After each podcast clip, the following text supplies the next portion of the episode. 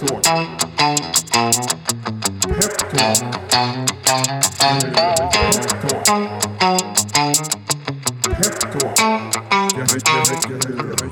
Då säger vi varmt välkomna till ännu ett avsnitt av eh, Peptalk, en podcast från Peppins.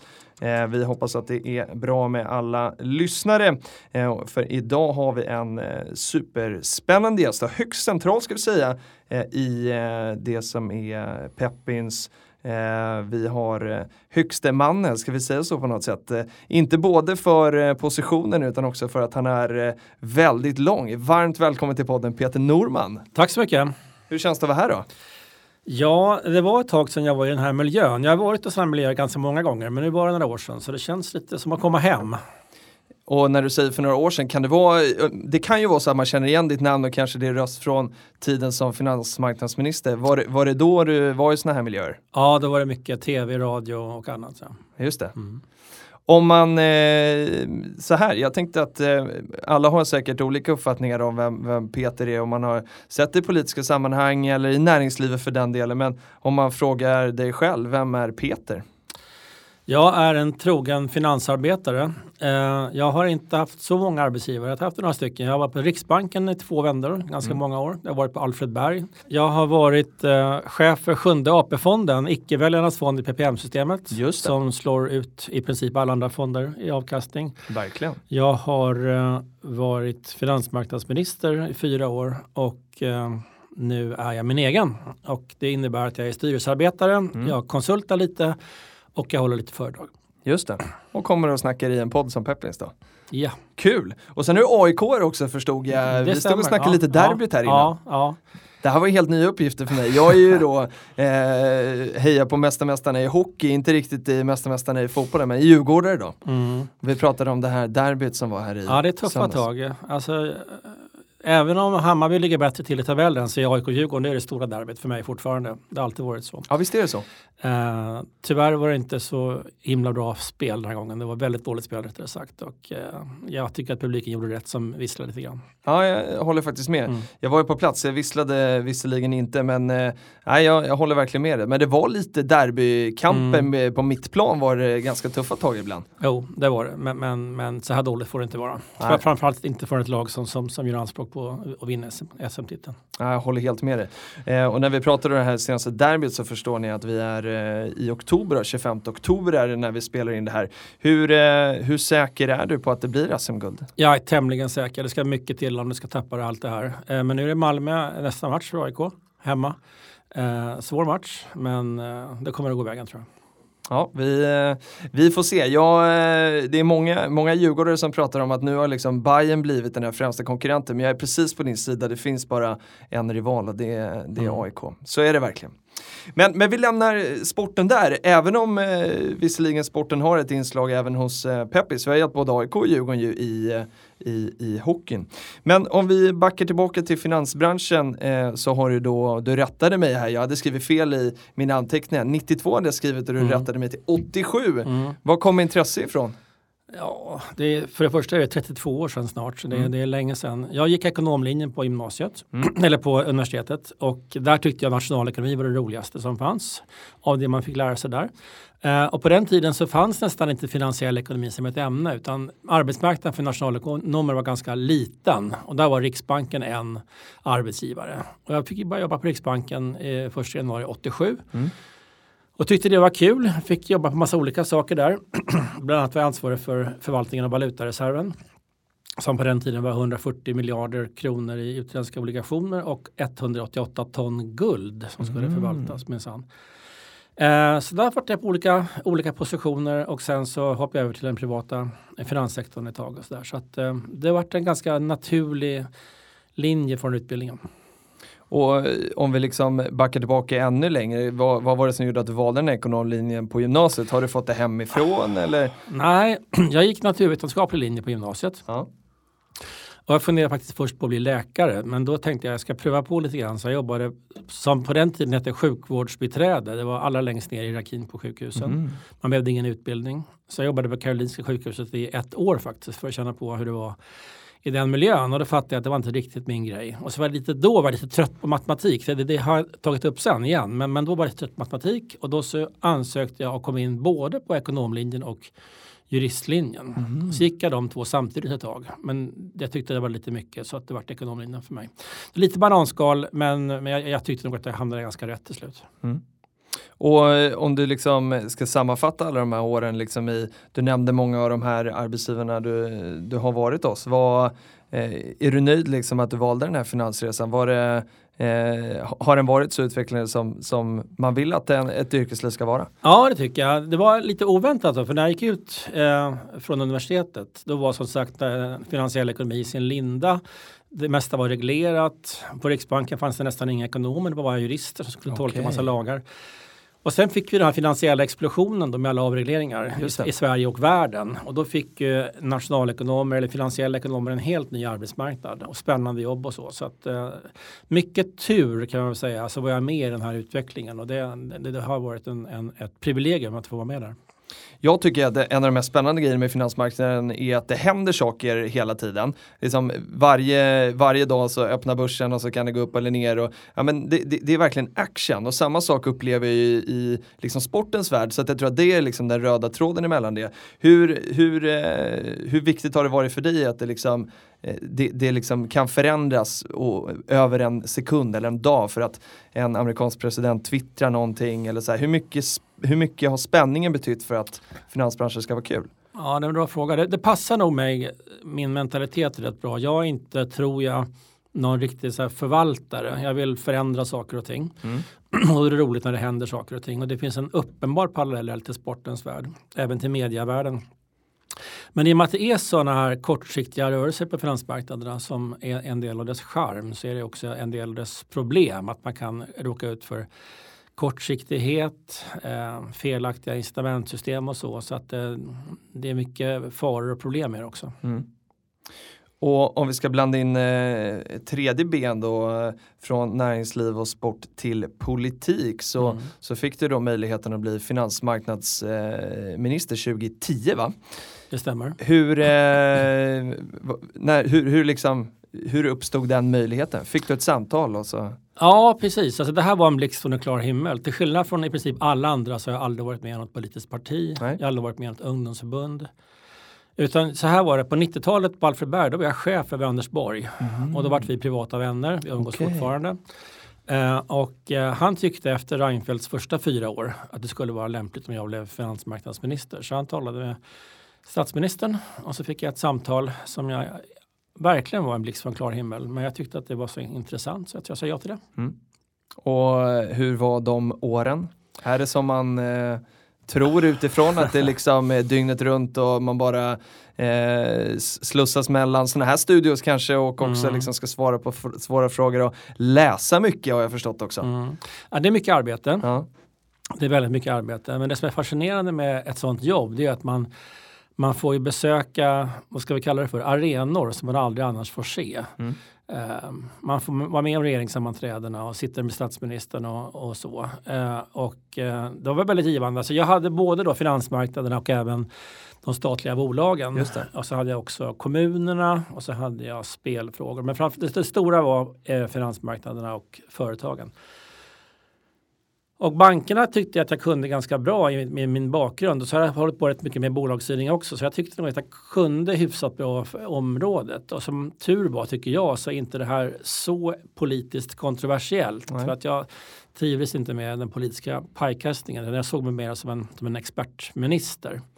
Sen är det intressant med de statliga bolagen, för jag brukar säga det, det är de här bolagen som aldrig råkar ut för problem. Mm. Eh, Vattenfall, eh, Telia, SS, SJ, Posten det är alltid problem någonstans. Eh, och eh, i någon mening är det ett otacksamt jobb därför att eh, när det går bra så hör man aldrig av sig men när det går dåligt så, då, då, blir det med, mediabilder och så.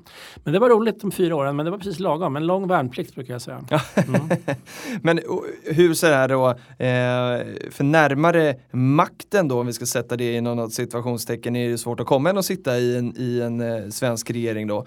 Hur, eh, hur upplever man det när man, när man sitter i det där rummet på de här eh, liksom regeringssammanträdena och liksom upplever man att så här, shit, vi styr det här nu? Ja, man, jag upplevde i alla fall att man hade verkligen möjlighet att förändra saker och ting. Jag tillhör de som tycker att den svenska byråkratin, alltså statstjänstemännen i allmänhet, de är extremt skickliga. Mm. Så vill man ha saker och ting gjorda så, så får man det gjort också. Mm. Det är väldigt skickliga tjänstemän, både politiska och opolitiska. Och riksdagen som maskineri funkar väldigt bra. Så att det var nog en, en, en positiv överraskning för mig att jag tyckte att det fungerade så, så bra som det gjorde. Men hur mycket, hur mycket styrs av tjänstemännen och hur mycket kunde du som finansmarknadsminister, eh, inte nödvändigtvis i liksom det departementet specifikt, men just i rollen, hur mycket styrs av den som är minister och, och förtroendevald kontra den som jobbar som tjänsteman? Jag tycker att, att äh, ministrarna styr eh, väldigt mycket, om inte mm. allting. Sen är det också så att Finansdepartementet har ju en, en speciell ställning i ett regeringskansli. Det, det är absolut det, det mäktigaste departementet. Mm. Och de, de, säger i princip nej till allting som kommer in från andra departement. Det liksom ligger i rollen. Så att man har en, en väldigt stark ställning och det gjorde ju det här jobbet kanske extra intressant. Mm. Och om vi ska ta bara så en grej som jag tror många känner igen från den här perioden och som jag vet inte om man eh, nödvändigtvis kopplar till dig men Normanbeloppet mm. Eh, är ju du liksom pappa till. Mm. Eh, varför kom det här till och, och kom du på idén?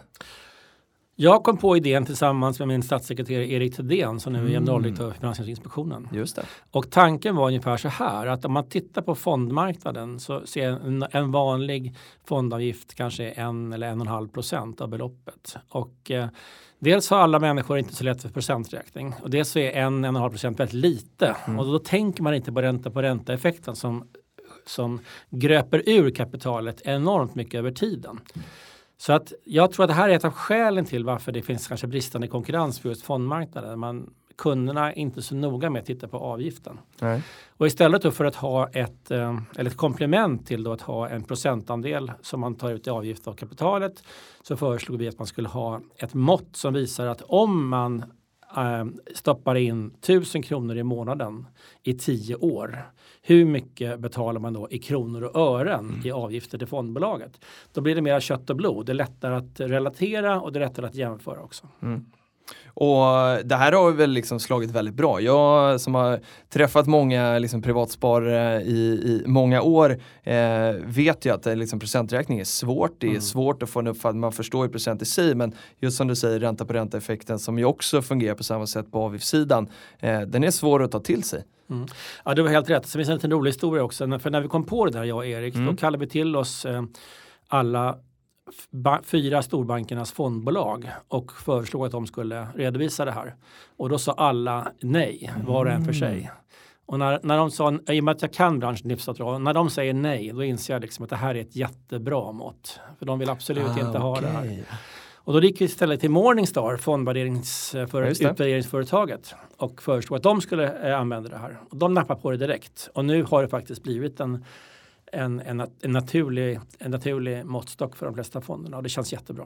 Hur, hur mycket upplever du att eh, ja, de här stora drakarna och de stora finansaktörerna eh, liksom motverkar den här typen av, mer än att man liksom säger nej? Finns det stor lobbying och upplevde du den när du eh, hade ministerposten? Nej det kan jag inte göra, eh, det, eller säga, det tyckte jag nog inte. Däremot är det så att alltså, storbankerna gör ju gör ju ett fantastiskt jobb och eh, har en, om man tittar på andra länders banker så är svenska banker har en fantastisk produktflora och, mm. eh, och alltihopa och, och eh, god ordning och reda och så. Så att eh, de sköter sig väl och fonden som, som instrument är ett fantastiskt instrument för en privatsparare. Man får riskspridning och så. så att, nej, jag tycker, I princip tycker jag svensk fondmarknad fungerar bra. Sen finns det inlåsningseffekter med reavinstskatt och alltihopa men det, det är mer på lagstiftningssidan. Just det. Och om vi eh, vill lära känna Peter lite mer utanför finansen, eh, nu har vi fått höra lite om AIK, vad, eh, vad vill man veta om dig då? Ja, jag försöker läsa mycket biografier. Det går lite upp och ner. Jag läser alltid väldigt mycket. Mm. Just nu är jag inne på biografier. Jag försöker idrotta en hel del. Jag har åkt Vikingarännet på skridskor. Jag har sprungit maraton och Lidingöloppet och så. så att, det är nästan, om, om, man nu ska ha till exempel ett ministerjobb i fyra år, då är det nästan en förutsättning att man, att man sköter sig eh, fysiskt, annars så orkar man inte med. Och det har jag försökt fortsätta göra. Kul! Och eh, 2016 då eh, så kom du ju till eh, Peppins. Mm. Hur eh, hittade du till oss eller hittade vi dig? Ja, det, det är också lite bananskal. Det, råk, det råkade vara så att en väldigt god vän till mig som har känt sedan skolåren är en av eh, ägarna till Peppins, Ulf Okej. Wisén. Just det. Så han kontaktade mig och berättade att nu var det här på gång. Eller man hade till och med börjat. Mm. Eh, Och frågade om jag var intresserad. Så träffade jag Ulf och Anders Sjunnesson. Och eh, efter ett tag så kom vi fram till att de gärna skulle vi- vilja att jag kom med i styrelsen. Mm. Och efter ett tag i styrelsen så var det lite omorganisation på Peppins och då tyckte ägarna att det var lämpligt att jag blev ordförande som jag blev då på hösten tror jag 2016. Eh, och på den vägen är det. Vad var det som lockade med Peppins? Jag visste ju ingenting om crowdfunding innan jag träffade Ulf första gången. Nej. Och, och eh, när han berättade om konceptet eh, så förstod jag ganska snabbt att det här, är, det här fyller ett behov i den finansiella marknaden som, som inte har funnits tidigare. Eh, det är dels väldigt bra tycker jag för bolagen som får finansiering. De, flera av dem skulle kanske inte få någon finansiering alls annars. Och skulle man få den skulle man antagligen få den till mycket sämre villkor. Mm. Och på andra sidan har vi då investerarna som får möjlighet att investera i en tillgångsklass som ofta är stängd för väldigt många. Den är öppen för väldigt rika människor men inte för de som har lite mindre pengar. Och här finns det möjlighet att gå in då i onoterat kapital Mm. till samma villkor som om man vore en mycket, mycket rik person. Eh, och där tycker jag, det här är två sidor av samma mynt men det är viktigt tycker jag att framhålla båda sakerna. Mm. Och du är lite inne på det, men, men eh, i det här liksom ekosystemet som vi kan kalla finansmarknaden då, vad, vad tycker du att Peppins och equity crowdfunding tar, tar plats?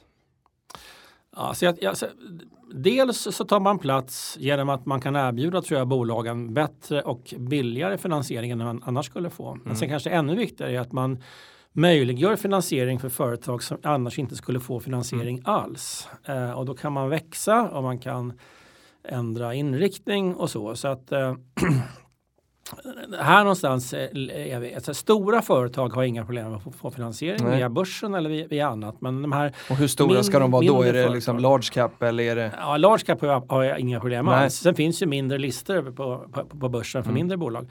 Men alltså de här lite mer familjeföretagen Ja. eller bolag som inte har varit igång så länge, eh, som inte är så stora men som har ambitioner att växa och så. För dem är det här en, en fantastisk form av finansiering. Dels att man får finansiering och i bästa fall lite bra villkor. Men också att man får en crowd. Då. Man får alltså en stort antal människor som i bästa fall kan bli bolagets ambassadörer och göra mer än bara ställa upp med finansiering utan sprida kunskap om bolaget och, och så vidare.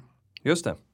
Och eh, som ordförande då så tänker jag att eh, du eh, har ju en viktig roll i att liksom eh, peka på riktningen framåt och vad liksom bolaget eh, ska vara om vi kan eh, ta fem år då till exempel. Det är svårt att blicka framåt i en så här händelserik finansmarknad men, men vilken del i det här ekosystemet har du som ambition att Peppis ska ta?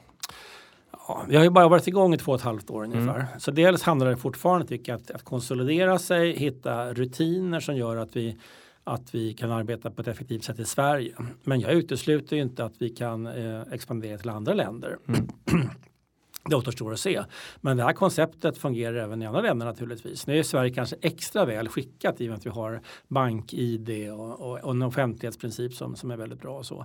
Men det har även andra länder så att jag kan mycket väl tänka mig andra länder. Men jag kan också tänka mig att vi försöker växa och eh, ta marknadsandelar på finansiering då, från andra typer av finansieringsformer. Just det.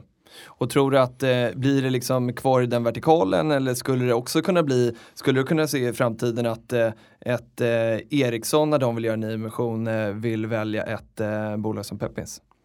Ja, det, vi har en liten bit kvar tror jag, tror jag. Men, men vi har nu Men mer- är, är det ens möjligt? Ja, alltså det är, det är möjligt på sikt om vi får fler medlemmar till vår community. Idag har vi, nu vet inte jag riktigt hur många det är. Mm. Ja, 50 000. 50 000 ja. Mm. Men säg att vi har 100 000 då, då. Då har vi en helt annan placing power än vad vi har idag. Mm. Då kan vi gå till större bolag än vi kan idag i alla fall och erbjuda våra tjänster. Eh, och eh, det är absolut en både möjlig och önskvärd väg att gå åt det hållet. Att, att, att eh, uppvakta större bolag, erbjuda en annan typ av finansiering som de kanske inte ens har tänkt på. Till det så är det så också så att de bo- bolag som vi finansierar, Mm. de har vi också en marknad för, en handelsplats för. Exakt. Eh, och, det, och, där är det möjligt då att även komma ur en placering om man Mm. nu skulle vilja det av något skäl eller köpa på sig lite extra och så. Så att den här kombinationen av att det är en finansiering och en marknadsplats tycker jag gör Peppins strategi och eh, plats i det finansiella ekosystemet väldigt spännande och lite exotisk faktiskt. Hur är det att vara ordförande då? Hur, hur är de här styrelsemötena? Vi hade ju ett här för förra veckan faktiskt som, eh, som, som jag var med på något litet hörn. Eh, vad, vad säger du om liksom dynamiken i styrelsen, eh, sammansättningen och hur är det att leda den där, det där rummet? Ja, jag tycker det är bra. Vi har ju tre stycken huvudägare. Mm. Det är då uh, Ulf Wirsén, Anders Sjunnesson och Spiltan Fonder. Mm. Eh, alla Investmentbolaget. Just det. Ja, och alla, precis, precis, precis. Och alla tre är ju representerade på hög nivå alltså i styrelsen. Mm. Dels har vi Anders Ulf personligen och så är Spiltans vd eh, Per-Håkan Börjesson med mm. i styrelsen. Uh, och det här ger styrelsen verkligen power. Mm. Sen har vi några personer som är, är, är obundna i någon mening av ägargrupperna också. Eh, jag är nöjd med styrelsearbetet. Det är klart att det kan alltid bli bättre. Eh, men jag tycker det funkar bra nu och folk har hittat sina roller och eh, jag både tror och hoppas att vi både kan vara en aktör som pekar ut långsiktig strategisk inriktning, ägna oss åt den kontroll vi ska göra, men även vara ett stöd åt Julia och ledningen. Mm. Och vill man lyssna på podden med Julia så, så hittar ni den i den här kanalen. Jag tänker också sån här, eh, men, eh, Sverige ligger ju ganska långt fram på liksom, investerarskydd och vi har en väldigt välutvecklad liksom, aktiemarknad. Eh, och jag tänker i din tidigare roll som finansmarknadsminister så, så är väl investerarskyddet liksom väldigt högt på prion. Hur, eh, hur säker kan man vara när man investerar via Pepin så att eh, eh, det här är, är eh, schysst? Ja, schysst kan man vara säker på att det är. Eh, och jag tror att vi har ett, som du säger, som du säger ett investerarskydd som är i världsklass. Mm. Däremot är det ju så att det är alltid investeraren själv som får ta ansvar för sin, för sin investering. Mm. Och man ska ha klart för sig att går man in i onoterade bolag eh, så innebär det högre risk normalt sett än att gå in i noterade bolag. Det fina med det här är att också att den förväntade avkastningen är högre än den är i noterade bolag. Men jag brukar mm. tänka så här att om man har en, en normal handelspost för oss på Peppers det är 500 kronor. Mm. Så har man 10 000 kronor och stoppar in dem i 20 olika bolag, 500 kronor var, mm. då får man en väldigt bra spridd portfölj. Om man ska vara krass är det antagligen så att någon av de här bolagen av de här 20 kanske går på näsan. Visst. Men något blir ett nytt Spotify. Mm. Så där är vi. Mm. Eh, och för en ganska hyfsad låg summa ändå så kan man få en väldigt god riskspridning. Och det, det, det måste alltid framhållas när man går in i de här typen av bolag. Hur viktigt tycker du att, eh, för Peppi står ju under tillsyn av eh, Finansinspektionen, hur viktigt är det? Jag tycker, att, jag tycker att det är viktigt. Jag, jag tycker själv att det är i linje med mina värderingar hur man ska mm. sköta crowdfunding. Det finns väldigt många olika typer av crowdfunding. En sån typ är att man helt enkelt bara säger här har vi en crowd och på andra sidan har vi ett bolag som vill ha pengar och så är man en broker eller en mäklare bara, man tar mm. inget ansvar. Vi säger nej till många bolag som kommer till oss mm. och de bolag som kommer upp på vår sajt för finansiering det är sådana som har genomgått en due diligence numera utförd av externa revisorer. Mm. Återigen, det är alltid så att investeraren själv är ansvarig för sin placering. Men när vi sätter upp ett bolag på, på vår sajt då betyder det att vi har gått igenom det. Personerna är hela och rena. Eh, räkenskaperna är okej. Okay, så det är någon form av kvalitetsstämpel på det. Dessutom då är vi då som du säger under tillsyn av inspektionen och det tycker jag ger en extra seriös stämpel på just eh, vårt företag i den här crowdfundingvärlden. Och här jobbar folk olika. Vi har mm. valt den här, eh, den här sättet att jobba på och det, det, det är jag väldigt tillfreds med. Hur, hur svårt är det att liksom, för, för Peppins, när, när, om man eh, hörde avsnittet med Julia så pratade man mycket om en revolution, att vi ska liksom, ja, men vi, vi ska göra någonting annorlunda och liksom någonting stort. Eh, och om man, eh, om man liksom tänker då på Finansinspektionen och så här, deras största why är att liksom inte göra fel. Det är väldigt viktigt att liksom det inte kommer aktörer som ja, men då är oschyssta och försöker göra liksom dumma saker mot investerare eller bolag hur den här liksom försiktigheten och kanske också från allmänheten en, en stor skepsis mot liksom finansmarknaden.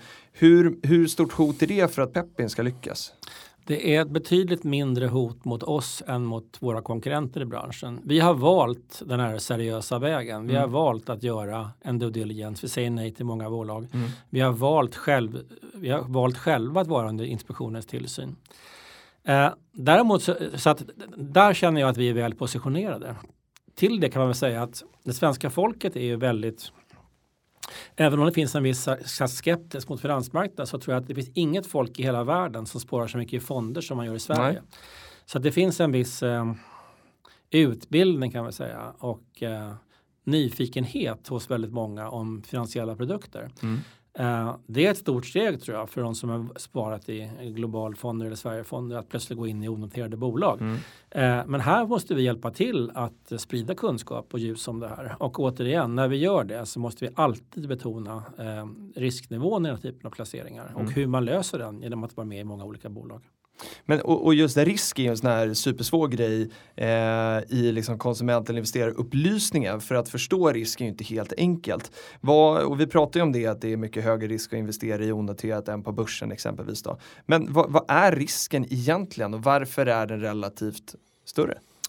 Ja, risker egentligen, det är ju egentligen svängningarna i en speciellt värdepapper. Mm. Hur mycket den svänger upp och ner. Eh, och eh, då är det ju så att eh, på börsen är ju alla bolag genomlysta av ett antal aktörer, av ett antal eh, analytiker och så. Och där är det ju svårt att hitta information som ingen annan har. Mm. Eh, och det leder ofta till att bolagen har en lite mer lugnare utveckling än onoterade bolag.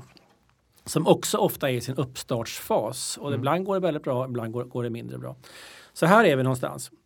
Men det är också viktigt att komma ihåg att jag brukar säga att det finns en, det finns en finansiell naturlag. Egentligen är det en slags eh, Eh, omöjlighet. Men, men naturlagen är ungefär så här att om du ska lyckas få finansiering till ett företag mm. så måste du göra trovärdigt att mm. om det nu är hög risk så måste du göra trovärdigt att det har en, en god förväntad avkastning. Mm. För lyckas du inte med det då kommer du inte få någon finansiering. Och det här leder då till att statsobligationer, svenska statsobligationer, det är väldigt säkra papper.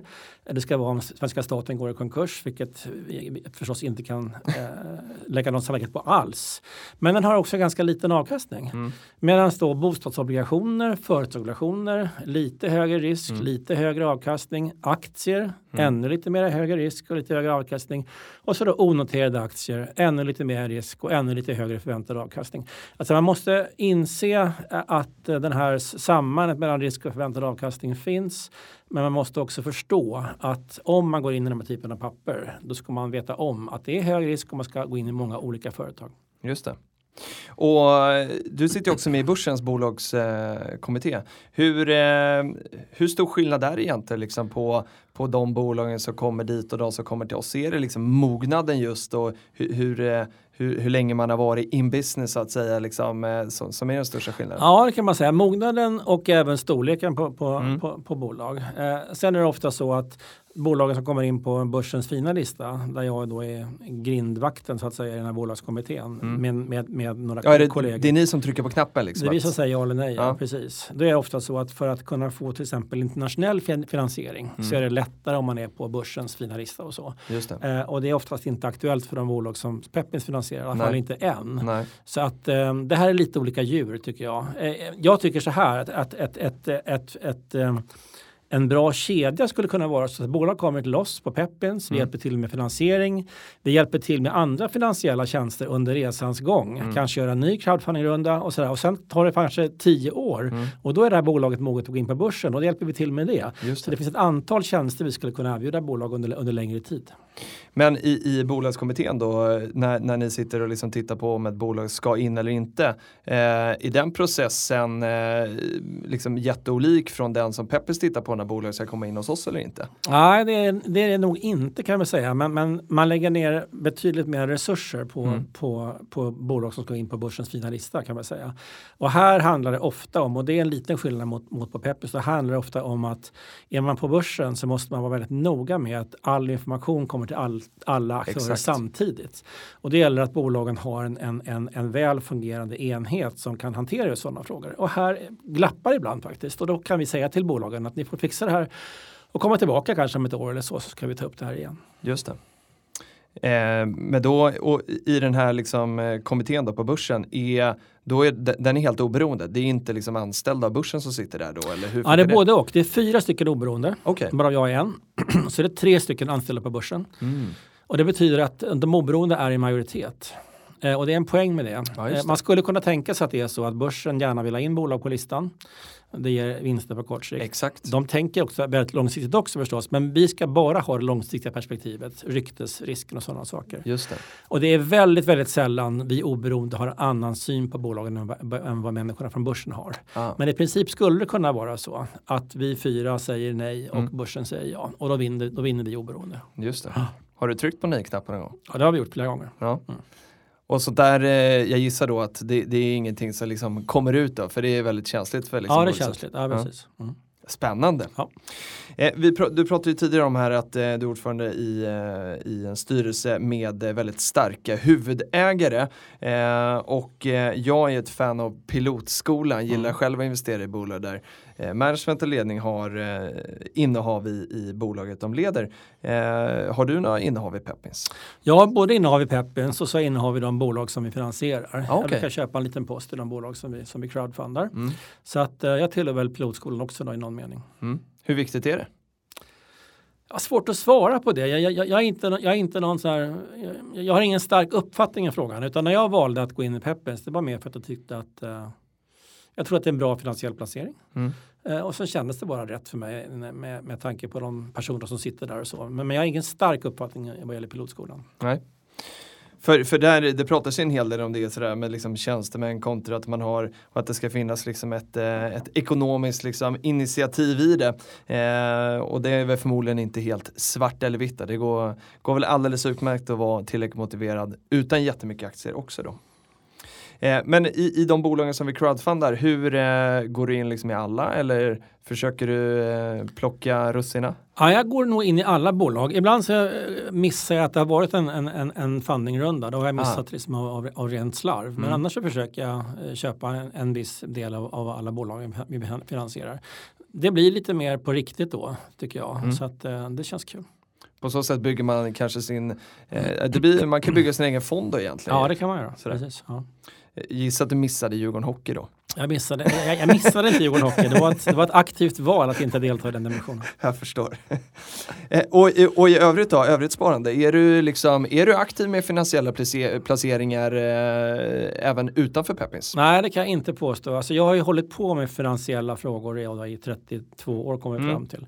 Och det känns på något vis som att det räcker att man gör det på arbetstid. Jag eh, har ingen längtan eller lust att hålla på med det på eh, vid sidan om. Så att jag eh, gör väldigt sällan omplaceringar utan jag har breda produkter och så. Mm.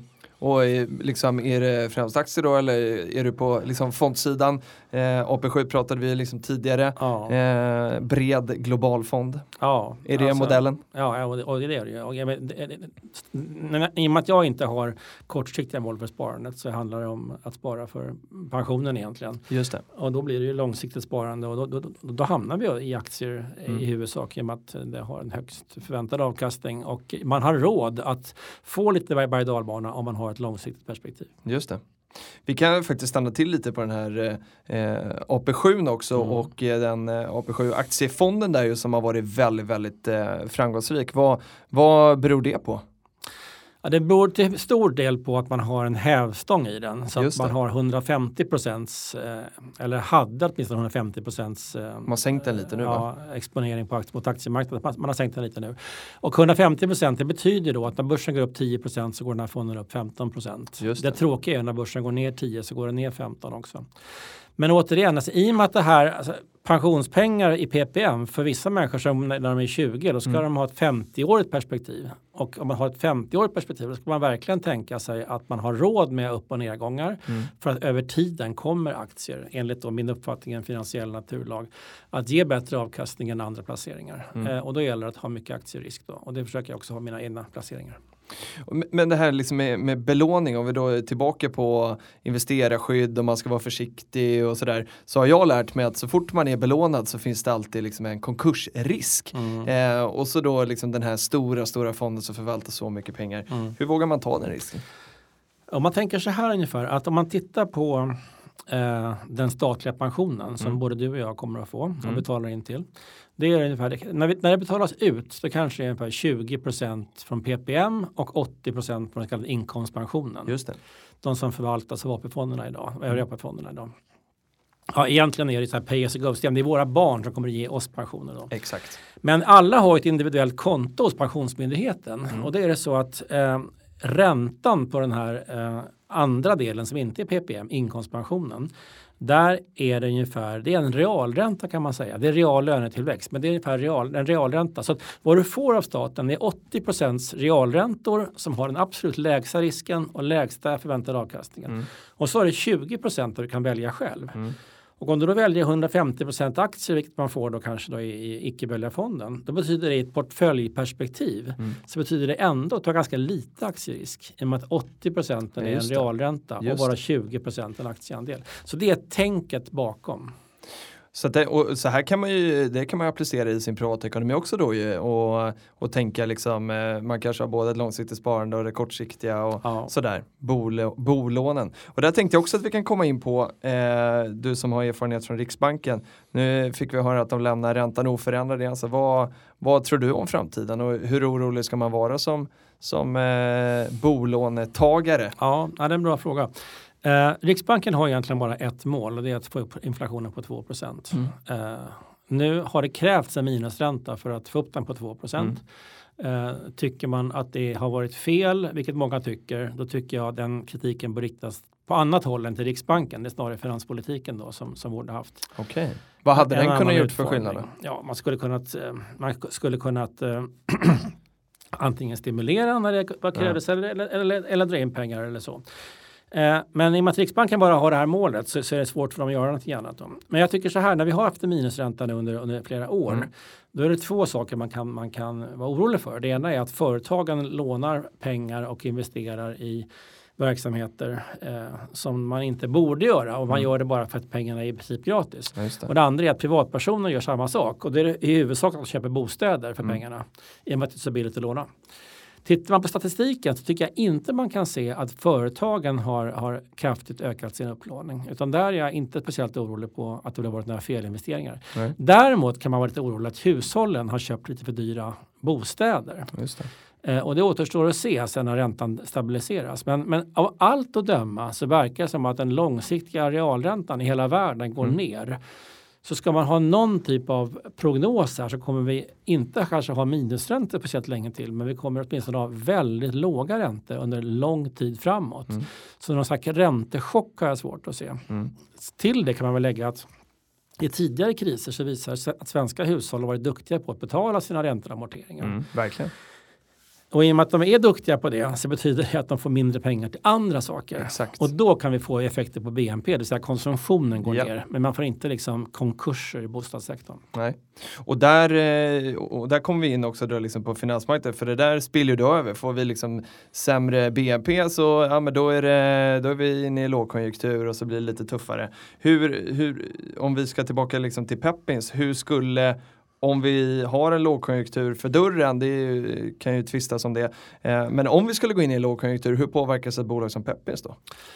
Ja, alltså rent allmänt är det så i en lågkonjunktur så, så, så minskar ju riskaptiten hos, mm. hos eh, människor rent allmänt. Och jag tror man kan, man kan nog se det redan nu att om man jämför med två år sedan så var riskaptiten högre än, än vad den är nu. Det vill mm. säga folk blir mera försiktiga lite mer om sig och kring sig, ja då får vi jobba hårdare för att sätta våra emissioner helt enkelt. Men kan det finnas en poäng i det här? För jag eh, pratade med, med en eh, av våra investerare eh, här för ett par veckor sedan och så pratade vi om det att eh, liksom fördelen i det här är att det blir man ser liksom mycket nyktrare på saker och ting. Någonstans så blir det nu, nu är det inte eh, om, om det för ett, par år, för ett par år sedan var en större riskaptit så kanske man slängde pengar på allt möjligt. Och nu är det kanske bara de bästa bolagen då som får pengar. Är det, kan det inte finnas något bra i det? Så kan det absolut vara. Och det kan också vara så att ett antal bolag som tidigare hade räknat med att få finansiering vid de ja, normala finansiella kanalerna mm. kanske inte får det när vi har en lågkonjunktur. Banker och finansinstitut är själva mer riskaverta och säger nej. Och i så fall så skulle det kunna öppna en ny marknad för oss då, med den här typen av bolag på Pepins. Just det. Och eh, sista, sista punkten jag tänkte vi skulle prata om. Eh, fokuset framåt för dig som ordförande i Pepins. Vad, vad är dina liksom, fokusområden? Vad går du att fundera på inför eh, när det stundar ett styrelsemöte och ska sätta riktningen framåt? Jag tycker det är väldigt viktigt att man, att man eh, förstår att ett bolag har ett antal olika eh, maktcentra. Ett maktcentra är ägarna, mm. eh, ett maktcentra är styrelsen mm. och ett maktcentra är verkställande ledningen. Mm. Och för att få ett bolag att fungera väl så är det viktigt att alla de här tre eh, enheterna tar sitt ansvar och använder makten på ett bra sätt. Mm. Vi har sett förskräckande många exempel på att när en gruppering avstår från sin makt, då är det någon annan som tar den. Ja. ofta är det så exempel att ägarna inte använder sin ägarmakt mm. och det är oftast då att det är ledningen som tar den och då blir ledningen för stark inom citationstecken. Mm. Ett bolag mår bra av att de här tre maktcentren balanserar varandra. Så därför är jag väldigt noga med att ägarna eh, ska ha ägarmakt. Mm. Vi ska ha styrelsemakt och ledningen ska ha en verkställande makt i bolaget. Mm. Och få det där balansera, det tycker jag är en av mina inte bara min viktigaste uppgift, det är många som har den uppgiften mm. eh, i, det, i det här eh, ekosystemet, men det, det är viktigt. Då. Eh, sen är det viktigt förstås att vi får in folk i styrelsen som är motiverade, mm. kunniga, kan utveckla affären. Det har vi nu tycker jag eh, och hoppas att, att de sitter kvar ett tag. Eh, men eh, med detta sagt så hoppas jag också att jag och styrelsen är ett stöd till ledningen som mm. gör att de kan göra ett ännu bättre jobb. Jag kan skriva under på det. Mm. och det är inte bara fjäsk, eh, mm. så känner jag verkligen. Och jag tycker, nu har jag bara varit på Peppers i, i ett halvår, men det finns ett otroligt engagemang alltså. Ja. Och just den här dynamiken eh, mellan unga naiva som mig själv och mm. eh, eh inte nödvändigtvis äldre men mycket mer erfarna då. Är, det, det händer någonting liksom mm. spännande där. Men om man bara ska förstå de här liksom maktcent, liksom, de, den olika typen av makten. Vad mm. är ägarmakt? Vad är led, liksom, managementmakten? Vad, vad, är det för, vad är det för fokus de olika grupperna ska ha?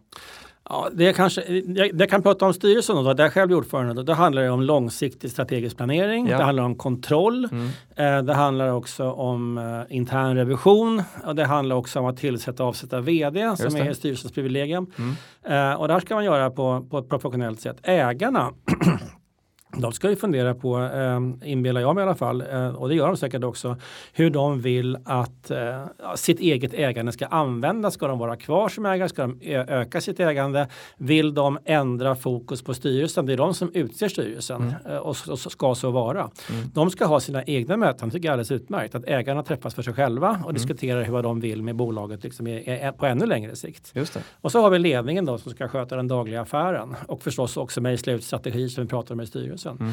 Till det kan jag väl säga att på senare tid har vi gjort om lite i styrelsearbetet. Nu gör vi så att yngre personer eh, som är projektledare för mm. emissionerna får komma till styrelsen och berätta hur det går. Det. Och man utser också en mentor i styrelsen som man kan ha som bollplank. Mm. Och där tror jag själv är väldigt bra. För jag minns själv när jag var lite yngre, man kom upp till styrelsen. Det är lite examen över en sån process. Så att man, man ska liksom vara påläst. Det, det, ska vara pinsamt om man, inte, om man, om man, om man inte kan svara och så. Mm. så att, jag tror att det är bra och förhoppningsvis så är man lite mer på tårna när man, när man, när man, när man står där. Mm.